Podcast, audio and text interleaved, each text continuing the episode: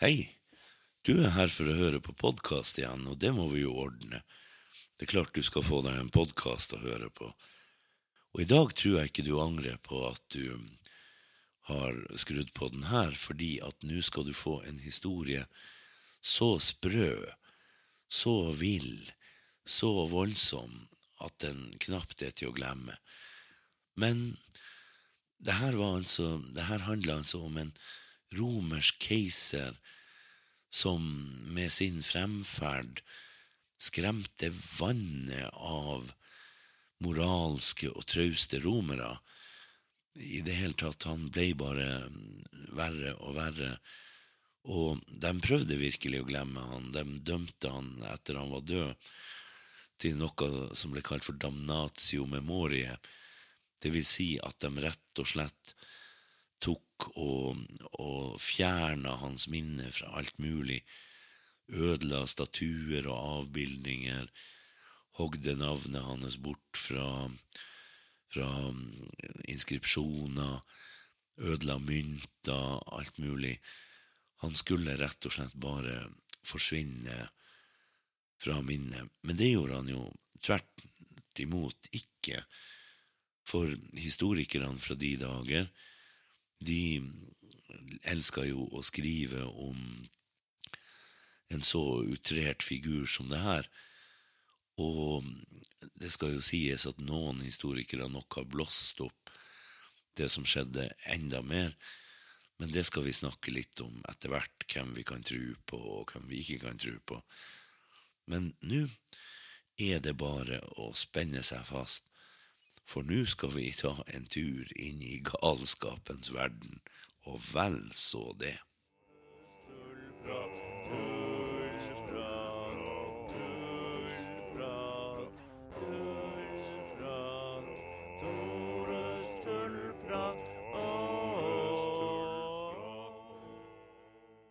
Her jeg sitter og holder på denne lille sølvmynten, så tenker jeg umiddelbart på begrepet om at kjært barn har mange navn. Og i dette tilfellet så vet jeg jo ikke hvor kjær han var. Jeg vet i hvert fall hvor kjær han ikke ble etter hvert. Men jeg kommer til å omtale han som Elagabalus i denne podkasten. Han het egentlig Varius Avitus Basianus, og som keiser for å, for å få troverdighet som en fra slekta til keiser Caracalla, så tok han navnet Marcus Aurelius Antoninus. I tillegg så skrives jo hans navn i en rekke forskjellige omskrivinger. Heliogabalus er det vanligste. Helio kommer jo da altså fra gresk sola, helios, og er altså en gresk form av navnet. Elagabalus, som jeg allerede har nevnt. Og ja, der er, der er masse omskrivinger. Eliogabalus og, og masse sånt. Sånn midt imellom varianter. Men opprinnelig så kommer Elagabalus fra rett og slett navnet på en syrisk guddom, og det kommer fra et syrisk ord som jeg rett og slett ikke skal forsøke meg på å uttale, for det ja, 2000 år gammelt syrisk språk har jeg ingen forutsetning for å på noen måte kunne uttale. Men det er litt av saken her, nemlig et ord som i utgangspunktet betydde guden i fjellet, og som da er en solgud. Rart som det høres ut, men sånn, sånn er det rett og slett. Det var det de trodde på. Vi får bare rett og slett ta det som god fisk. Så det her er mange navn og mange titler og mye rart, og jeg skal prøve å holde det veldig enkelt ved bare å og kaller han Elagabalus, sjøl om han offisielt ikke står som det på noen mynt eller i noen inskripsjon eller sånn. Han holdt jo på keisernavnet sitt samtidig som han ble kalt Elagabalus. Og det var fordi han var en religiøs fanatiker, og han var veldig ung da han ble keiser. Men han var da allerede ypperste prest, fordi familien hans hadde rett og slett arvelig rett til tittelen som ypperste prest for guden Elagabalus, for guden i fjellet. Så sånn er det. Men mynt Det er portrettet av en veldig ung mann. Det er veldig synlig at det her er en ung mann. Og det er jo ikke så rart, for han ble keiser som 14-åring allerede med en omskrift med hederstitlene hans som keiser og alt det. På baksida så er det noe som er litt uvanlig. Ikke helt uvanlig på romerske mynter, men litt uvanlig. Som regel så har de på baksida en eller annen guddom. Det er seiersgudinna Victoria, eller det er Atene, eller det er jaktgudinna Diana, eller altså alt etter hva de ville få frem om sine egne egenskaper. Det er veldig mye propaganda i romerske mynter. Det er det vel egentlig på mange måter i alle mynter. Og Roma var i hvert fall intet unntak. Men her er rett og slett Ella Gabelos sjøl på baksida kledd i ganske utrert drakt. Partiske bukser, han kledde seg i silke, og det var en stor Virkelig stor skandale. Det skal dere definitivt få høre mer om. Så jeg sitter altså med en sølvmynt som kanskje forteller mer historie enn mange av de andre romerske myntene, fordi det viser keiseren sjøl i ferd med noe av det som fikk han drept. Det er virkelig en historie man ikke glemmer, og som med vår kulturelle sammenheng vil virke litt rar, selvfølgelig på andre måter enn det virka i Romerriket. Men det skal vi definitivt drøfte mye mer. Her er altså en ren og fin sølvmynt på ca. tre gram. Den er ja, neste år, i år eller i år, neste år, vil den være 1800 år gammel. Så det er en mynt fra helt på slutten av Elagabalus sin periode som keiser, og en av de tingene som var med på å få han drept. For det var jo ikke nok at han viste bort all sin galskap på alle andre mulige måter. Han måtte jo jaggu slå det inn på myntene sine også. Det var ingen steder man kunne slippe unna galskapen til Elagabalus. Og ja, romerne gikk etter hvert veldig lei. Men det skal jeg fortelle om etter det her.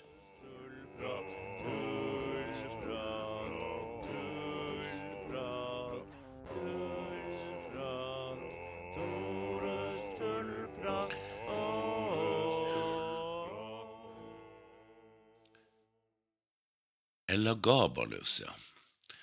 Litt av en figur. Han var egentlig halvt syrer Far hans var romer, og mora Julia Suemias var syrisk. Og det er altså sånn at de var fra Emesa i Syria. Det er en by vi kjenner fra nyhetsbildet i våre dager, for det er nemlig da Homs heter byen i dag i Syria, og vi kjenner den jo mest som åsted for forferdelige kamphandlinger under den syriske borgerkrigen. Så byen ligger jo i dag i stor grad i ruiner. Men den gang var den jo ikke sånn. Det var jo en by som trivdes og levde, og Julia Maesa, som var bestemor til Elagabalus, hun hadde et stort landsted der. Og som jeg har nevnt, så var altså Elagabalus allerede fra meget ung alder ypperste prest for den lokale guden El Gabal, som hans navn er tatt ifra. Så hva var det egentlig som skjedde? Jo, det var sånn at i år 217 ble keiser Caracalla drept. Og Makrinus ble satt inn som keiser. Julia Maesa, altså bestemora til Elagabalus, var da tante til Caracalla.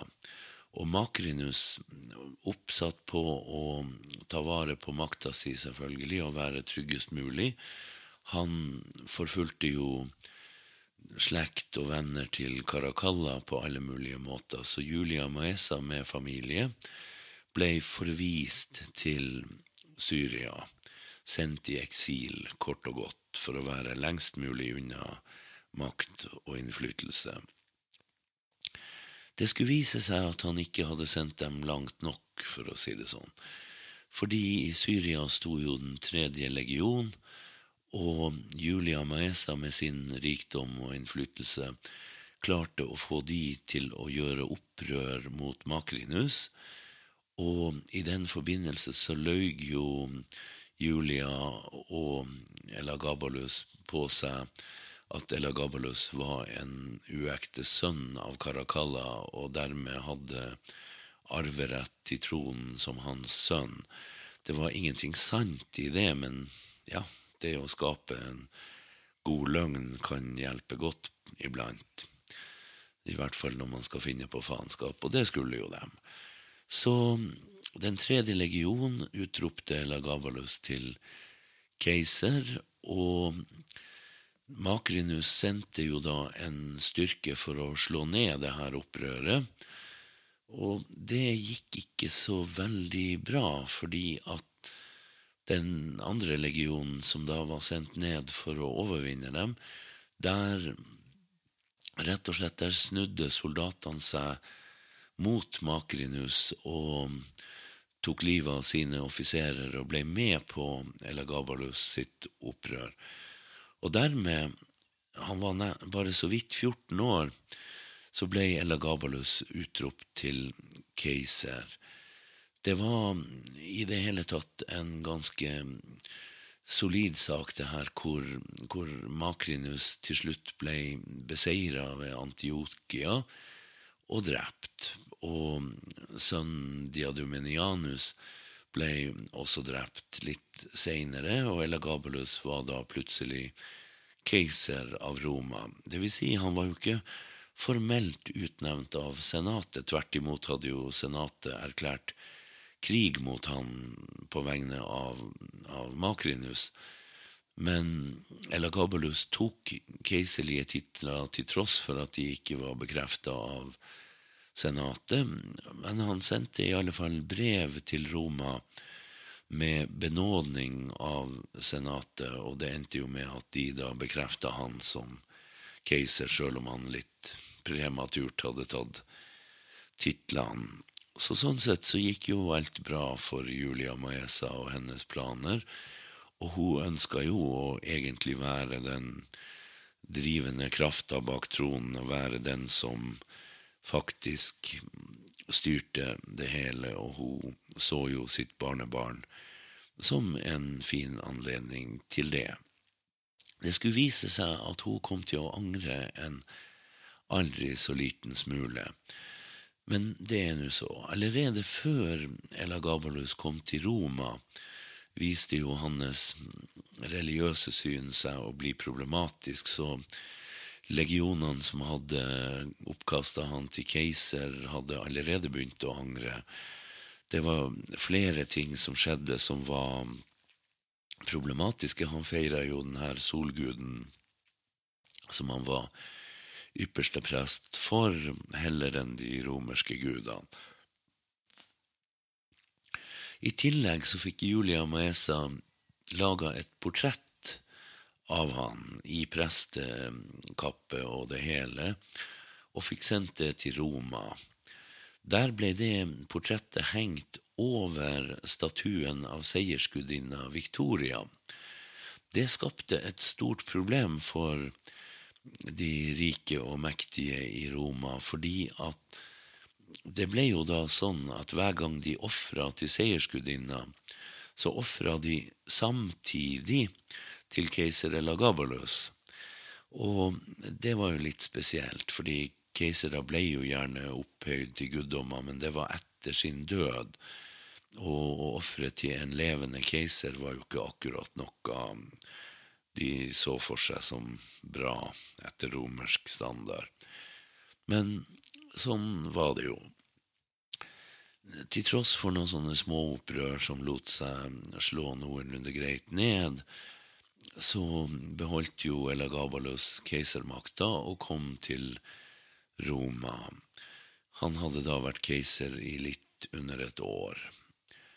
Og ja, hva kunne vel gå galt? Den gamle, kloke Julia Maesa skulle styre det hele.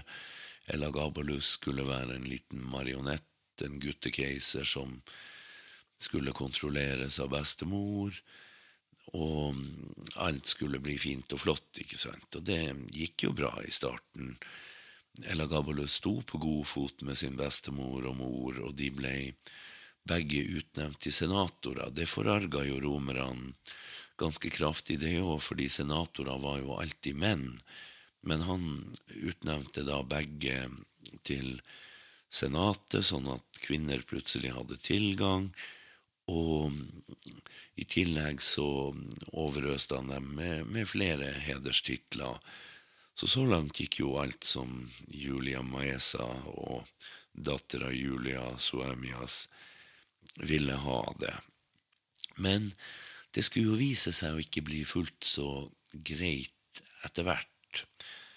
For ting utvikla seg de fire årene Lagabalos var keiser. Han skulle vise seg å være veldig vanskelig å styre, veldig egenrådig, og det skulle vise seg at det han ville og gjorde, ikke akkurat falt i god jord hos romerne.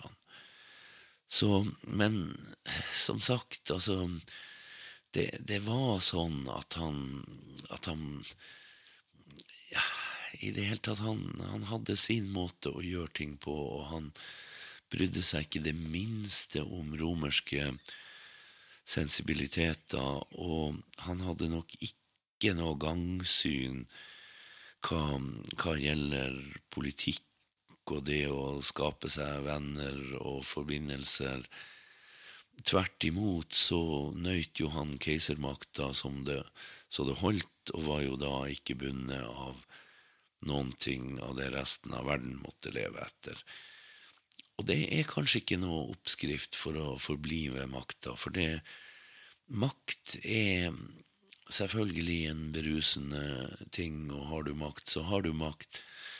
Men hvis du ikke klarer å holde allianser, og ikke klarer å ha venner blant de som sørger for at du opprettholder den makta, så kan du få et veldig, veldig stort problem etter hvert.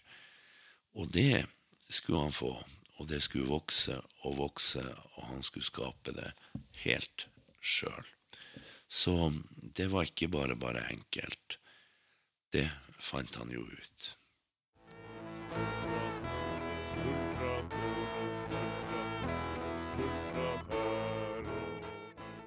Men jeg har jo sagt at det her er en saftig historie. Og det er det ikke tvil om at det er. For den inneholder mye mer enn bare det religiøse, sjøl om det religiøse var et stort problem for romerne.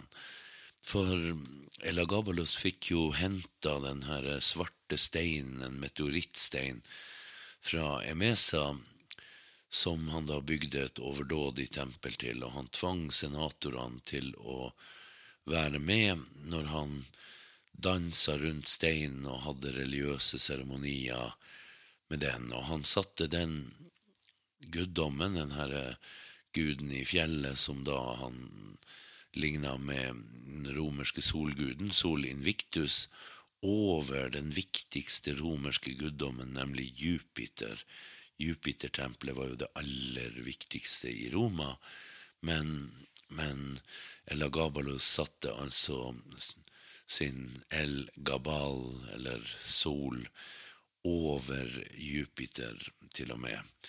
Det ble mildest talt ikke populært, og han holdt jo årlige prosesjoner gjennom Roma der denne steinen sto på en stridsvogn, og han leda jo da vogna ved å holde i tømmene og danse baklengs foran denne steinen gjennom byen. Og de prosesjonene og seremoniene ble faktisk egentlig ganske godt likt av romerske borgere, men det var jo fordi det var en del av seremonien var jo utdeling av gratis mat, og i et samfunn der det var vel lite veldedighet, og der det var mye fattige, og de fattige aldri kunne være trygge på at de alltid hadde mat på bordet, tvert imot det gikk godt an å sulte i hjel i Roma, så var jo selvfølgelig gratis mat meget kjærkomment. Så han var egentlig brukbart populær hos romerske borgere på grunn av det, i hvert fall en stund. Men det var jo mer med Lagabalus. Han hadde jo også en, skal vi si det sånn, sterkt avvikende seksualitet som for Roma og romerske borgere ikke falt i god jord. De hadde sine moralnormer. Det hadde absolutt ikke han. I våre dager ville jo Elagabalus vært definert innad i LHGBT-miljøet. Altså han, han, var nok både transseksuell og mye forskjellig. Han, han gifta seg jo med fem ganger i løpet av sine fire år som keiser. Ja, med kvinner, altså, vel å merke. og og et av de ekteskapene var jo en, en gedigen skandale, fordi at i tempelet til gudinna Vesta, der var det såkalte Vesta-jomfruer. De var forplikta til å være jomfruer, og hvis de gjorde noe som helst seksuelt, så var loven så enkel som at de skulle begraves levende. Det skjedde flere ganger, det. Altså, det var jo ikke noe noe kjære mor i de tilfellene. Men hva gjør du når keiseren sjøl gifter seg med ei Vesta jomfru? Det, da får man et problem her. Så det gjorde han jo. Han skilte seg fra henne etter under et år, men kom tilbake til henne og sånn. Men mer problematisk for romerne var jo at han også hadde forhold med en rekke menn, deriblant slaver, og fikk opphøyd dem til betraktelig høyere stillinger enn man mente dem var kvalifisert til ut fra sin stand og ut fra sin kunnskap. Og det forarga jo romerne ganske kraftig.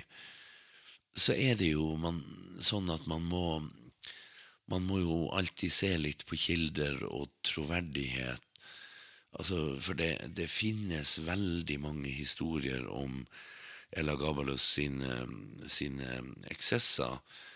Og en av de kildene vi har, som er Historia Augusta, som på ingen måte er, er å regne for troverdig, det er jo der de aller saftigste historiene står.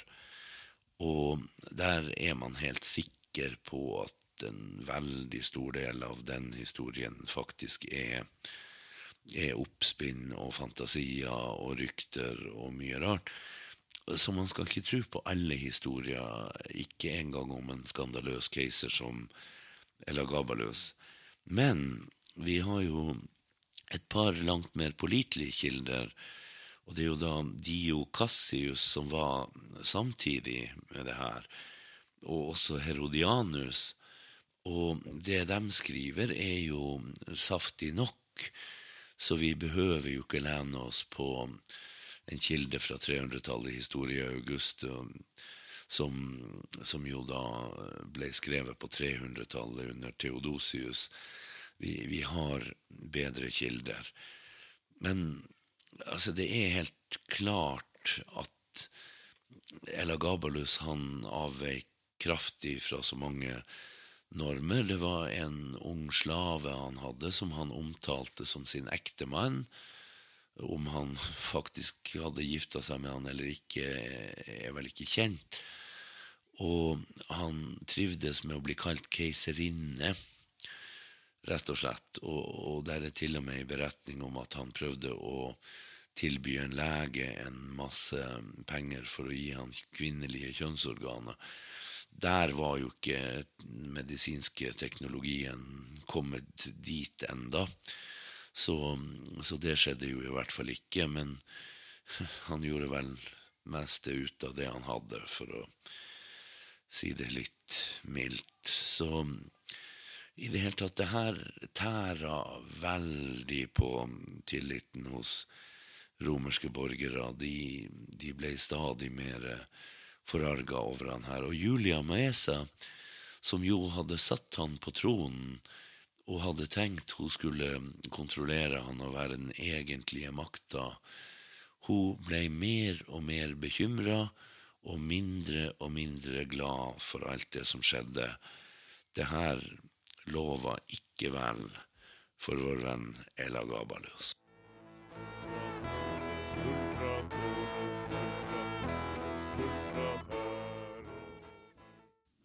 Så det gikk jo som det måtte gå. For når året ble 221, eller Gabalus hadde vært keiser i litt over tre år, så begynte det jo å bli helt klart at han ikke hadde spesielt mye støtte. Han ble stadig mer upopulær. Og Julia Maesa, som jo hadde sett for seg å styre han fra kulissene. Hun skjønte jo at det gikk absolutt ikke, og at det begynte å bli farlig å være assosiert med han, faktisk. Hun fikk overtalt Elagabalus til å utnevne Severus Alexander, sin nevø, til medkeiser, altså Cæsar, som det het. Og det gjorde han, men han lukta nok det var ugler i mosen her, og han begynte å bli sjalu på den måten at han merka at Severus Alexander var betraktelig mer populær enn han. Så han tilbakekalte alle titler, bare rett og slett degraderte nevøen, tok fra han makta som Cæsar, og satte ut et rykte om at Severus Alexander var død. Det førte til et opp opprør i Pretorgarden, som jo var den toneangivende og viktigste militære enheten i Roma. Og de troppa opp og forlangte å få se Severus. Og det viste seg jo, altså Elogabalus viste seg jo sammen med Severus Alexander, så alle kunne se at han var i live og hadde det helt fint. Og så gjorde han det virkelig skjebnesvangre. Han beordra at de som hadde gjort opprør her, skulle arresteres og henrettes umiddelbart. Men det var det ingen som hørte på. Det var ingen som ville arrestere og henrette dem. Tvert imot så bare eksploderte det her opprøret. Og Ella Gabalus ble funnet sammen med sin mor Julia Suemias i ei kiste hvor de hadde gjemt seg. Og de ble da slått i hjel sammen.